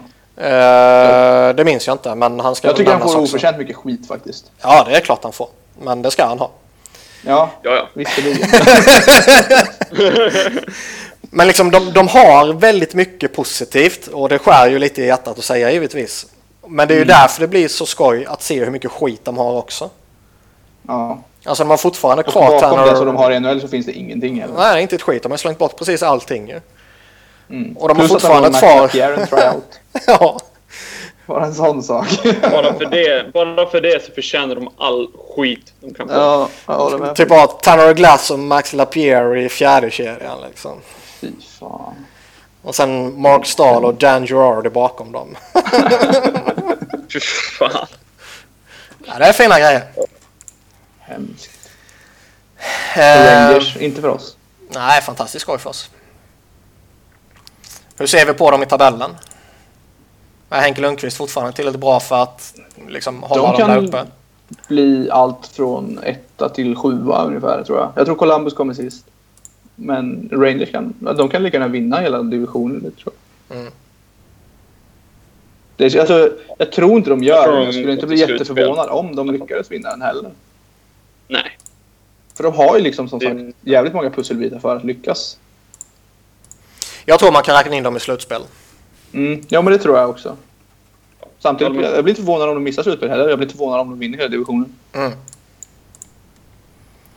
Eh, ska vi gå vidare till Pittsburgh kanske? Hemskt. Mm.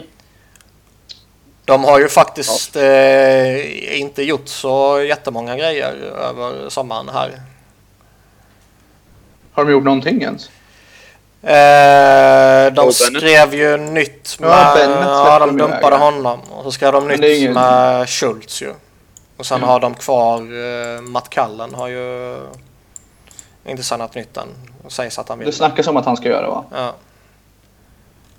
Han kommer nog. Nej men... Längde med Tom Sestito. ja. Grattis. Ja. Stort grattis till det. Eller till honom kanske. Jag vet Mm. inte. Men eh, ja, nej. Det känns väl inte som att de... Eh, vad ska man säga? De behöver ju inte göra någonting heller nu. Nej, nej, det var det ordet jag letade efter. De behöver väl inte Ja. göra någonting. Och Nej. eh, det känns väl inte heller som att det var en... Ja, att de gick och vann på flyt liksom. Tyvärr inte. Nej. De var ju tyvärr. jävligt bra. Tyvärr. Såklart. Mm. De skulle behållit Mm. Mike Johnston alltså. Fattar inte hur. Mm. De var helt värdelösa. Nej, men vi tar upp Knuckle och Rust och Sherry. Då blir vi bäst. Och en, liksom en, en rookie i mål. Nej, jag fattar inte. Det där är coachen. Så mycket coachen. Alltså gå Ja, från... men alltså det klickar ju till verkligen. Ja, men Mike Johnston ville ju... Han pratade jävligt bra. Samma sak där. En coach som sa rätt saker när han blev signad. Men sen när man såg hur passivt och försiktigt och helt fel sätt till laget han ville att de skulle spela. Men det kan, ju inte var ju vara, nej, det kan ju inte vara en slump att Sidon Crosby så fort han försvinner går och blir jättebra igen. Nej, för fan. Det var ju som att... Alltså, jag vet inte, släppa upp handbromsen på en rallybil. Typ. Det, Mike Johnson tryckte i den och så kom Sullivan och släppte upp den. Det är klart som fan Crosby bara flyger iväg då. Jag tycker man får ge Johnston lite cred i alla fall. Han är ju den enda som har lyckats göra Sidney Crosby kass.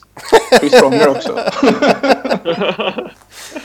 Ja, men så tränar eh, som har lyckats med det. Han, just så i början av säsongen, det var ju Mm. inte samma spelare.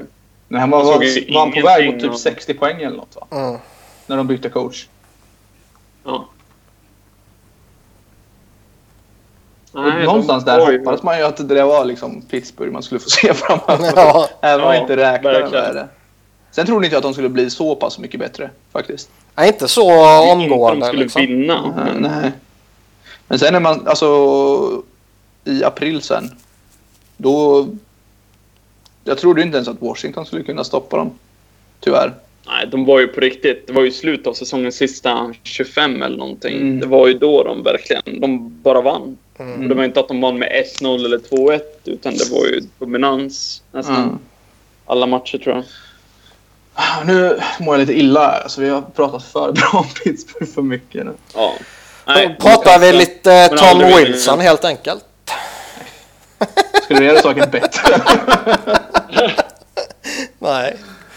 Eh, nej, men hur ser vi... Ja, det finns väl få scenarier som jag ser där Pittsburgh kommer uh, rasa i en tabell. ja, det är Även om om eh, de här- Sullivan säger upp sig kanske. Men det är väl om vi säger att just de här Kunakel och Sherry och Rust och lite så rollspelare inte riktigt Mm. eh, lever upp till det. Och så de tappar väl... Men jag tycker fortfarande, alltså har de fortfarande Eh. stommen med Letang och Malkin och Crosby och Kessel och Och Då lite- ska man ju vara ett hot varje år faktiskt. Ja. jag. jag. tror ju fortfarande att de kommer gå till slutspel och vara en, liksom en contender. Mm. Men eh, de tappar väl eh, Matt Cullen som var jävligt bra för dem. De vill ju förlänga med honom. Han vill förlänga med dem låter det som. Mm. Jag vet inte vad de står Okej. och dividerar om riktigt. Men jag tror ju att han Okej. spelar en säsong till. Jag skulle inte bli jätteförvånad om de vinner Stanley Cup om ett år också, tyvärr. Det skulle ju liksom... De är en av topp tre favoriter kanske. Nej, så är det ju. Det Det enda... är ju svårare så här Stanley Cup... Eh, vad säger man? Typ att Hangover. det är nästan ingen som har vunnit två år i rad. Ja, Nej. de har inte vunnit två år i rad. Så det kan bli något sånt. Typ som Kings fick när de inte gick till slutspel. Kings är bara dåliga. Ja, jag tror inte att Pittsburgh kommer missa slutspel överhuvudtaget, men ja, de kanske åker in andra runda eller någonting. Mot Flyers. Ja. Rob och Rob leder dem till Stanley Cup. Mm. Lite så önsketänkande kanske. Nej. Eh, ska vi hoppa in och avsluta med lite Capitals kanske? Ja, Mm. Vad har de gjort för något? De har Lars Eller istället för... Brett Connolly. Ska se. De skickar ut Chimera, såklart. Det pratade vi om. Mm. Och de har Lars Eller in. Och signade... gjort. Ja, de signade nytt med Mojo. Ja.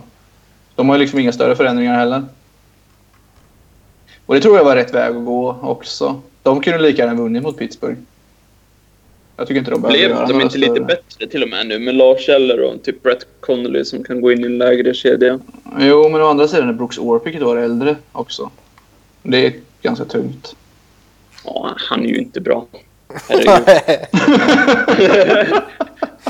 Det är ändå skönt att det finns fler lag som har dåliga backar och dåliga kontrakt. Men det där är ju... Fem och en halv mille till 2019. Så det är nästan att jag, ja, men jag har fan hellre Andrew McDonald än Brooks, Brooks Orpik. Om man räknar med kontrakt och allting nu. Jag Ja, tror fan det. Klart. 35 Ja, det tror år jag. nu. Ja, det är Det är inte många backar jag säger det om alltså, men hellre Amac än Brooks Orpik.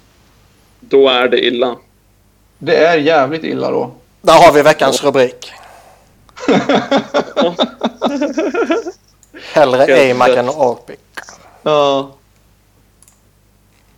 Men, Men alltså- kommer ju... Ja. Ja, men jag tror de kommer bli, vara bättre än förra året ändå. Liksom Burakovsky tar ett steg, Kuznetsov fortsätter framåt. Ja, Ovechkin Ja. kommer göra sina 50 mål. Lars Eller kommer ta Chimeras roll och förmodligen göra den Bättre. min, ja, men minst lika bra kommer han göra den tror jag. Chimera är lite för inte... hjärndöd för. Alltså han, Mm. han åker fort Mm. och hamnar ner i hörnet väldigt ofta. Men det, Ja. han gör ju inte så mycket annat än det. Nej, Jag tror inte att Capitals kommer att vara lika dominanta i grundserien som förra året. Det känns för rätt. Ja, nej, Då det tror inte jag heller. Verkligen. Men jag tror fortfarande att de kommer vinna. Eh, eller vara med liksom om Presidents kanske. Med Mm. några andra lag. Och sen så kommer Ja, men- det ju helt bero på hur det blir i slutspelet då. Topp 3-4 i ligan ska de Ja, vara i alla fall. Mm. Det tror jag. Och trots att det är Washington och jag hatar Washington så är jag ju så jävla svag för Ovechkin alltså.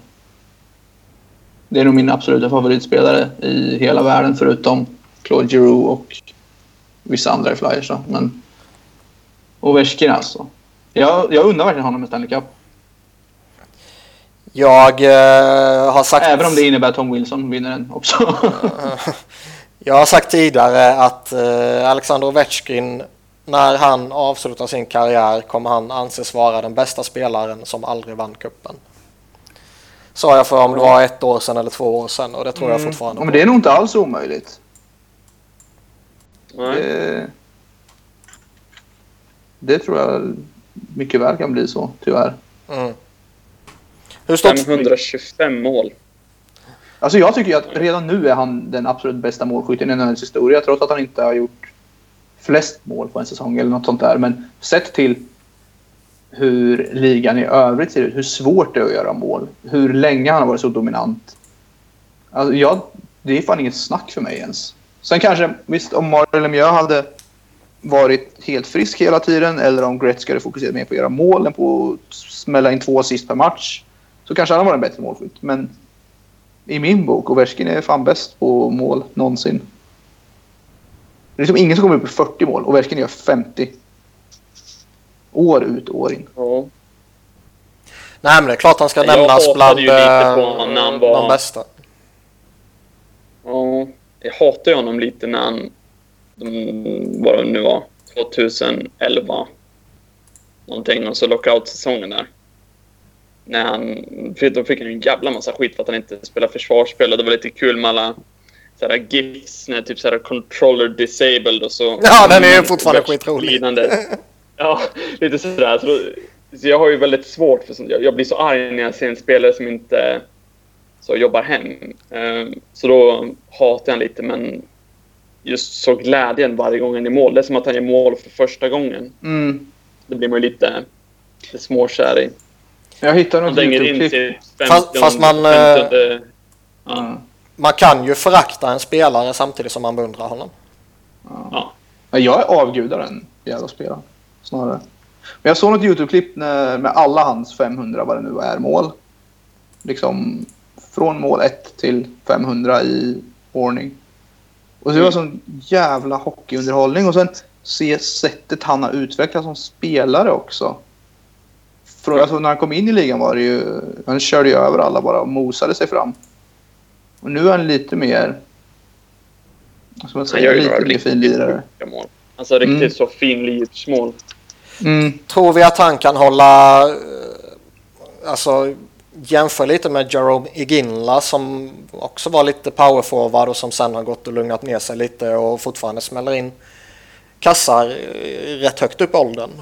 Hur långt eh, tror vi att Ovechkin kan hålla där? Fem, sex Oj. år till. Lätt.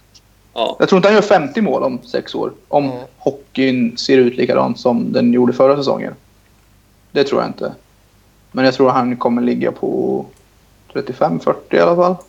Ja, du kan ju sätta honom i ditt PP. Även Mm. om han skulle bli en sämre spelare så just spelmässigt kan du ju sätta han i ditt PP som han redan står nu på vänsterkanten och står mot åtta skott så kommer han ju sätta 15 mål plus per säsong i powerplay bara.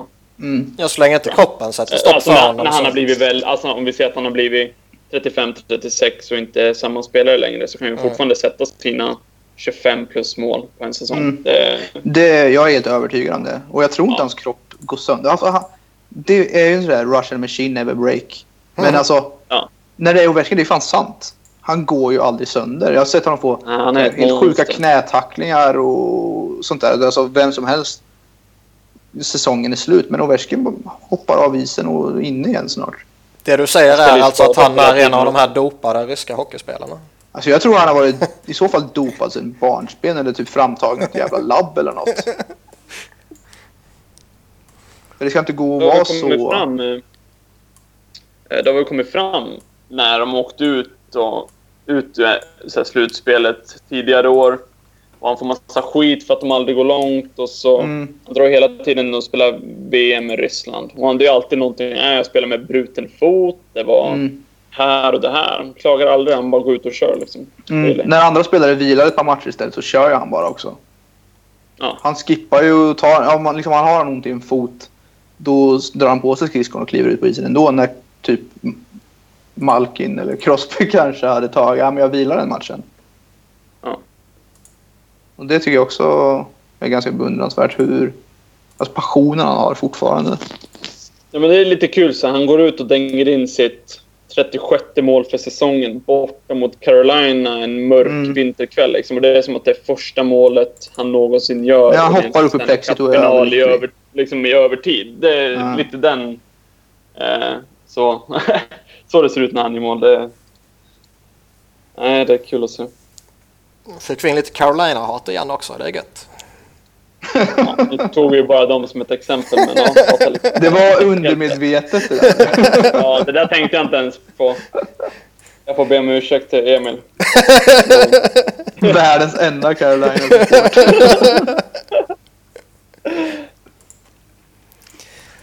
Eh, vill vi säga några fler ord om Caps eller uh, ska vi runda av? Tom Wilson är helt värdelös. Ja, NHLs smutsigaste, vidrigaste spelare. Sen är jag nöjd. Det är ju ett statement som jag definitivt skriver under på. Eh, med de fina orden så tackar vi för oss efter eh, ja, ungefär 90 fina minuter. Och eh, vi får se när vi är tillbaka. Vi kör som sagt med lite eh, oregelbundna eh, mellanrum. Men tack för oss och på återhörande.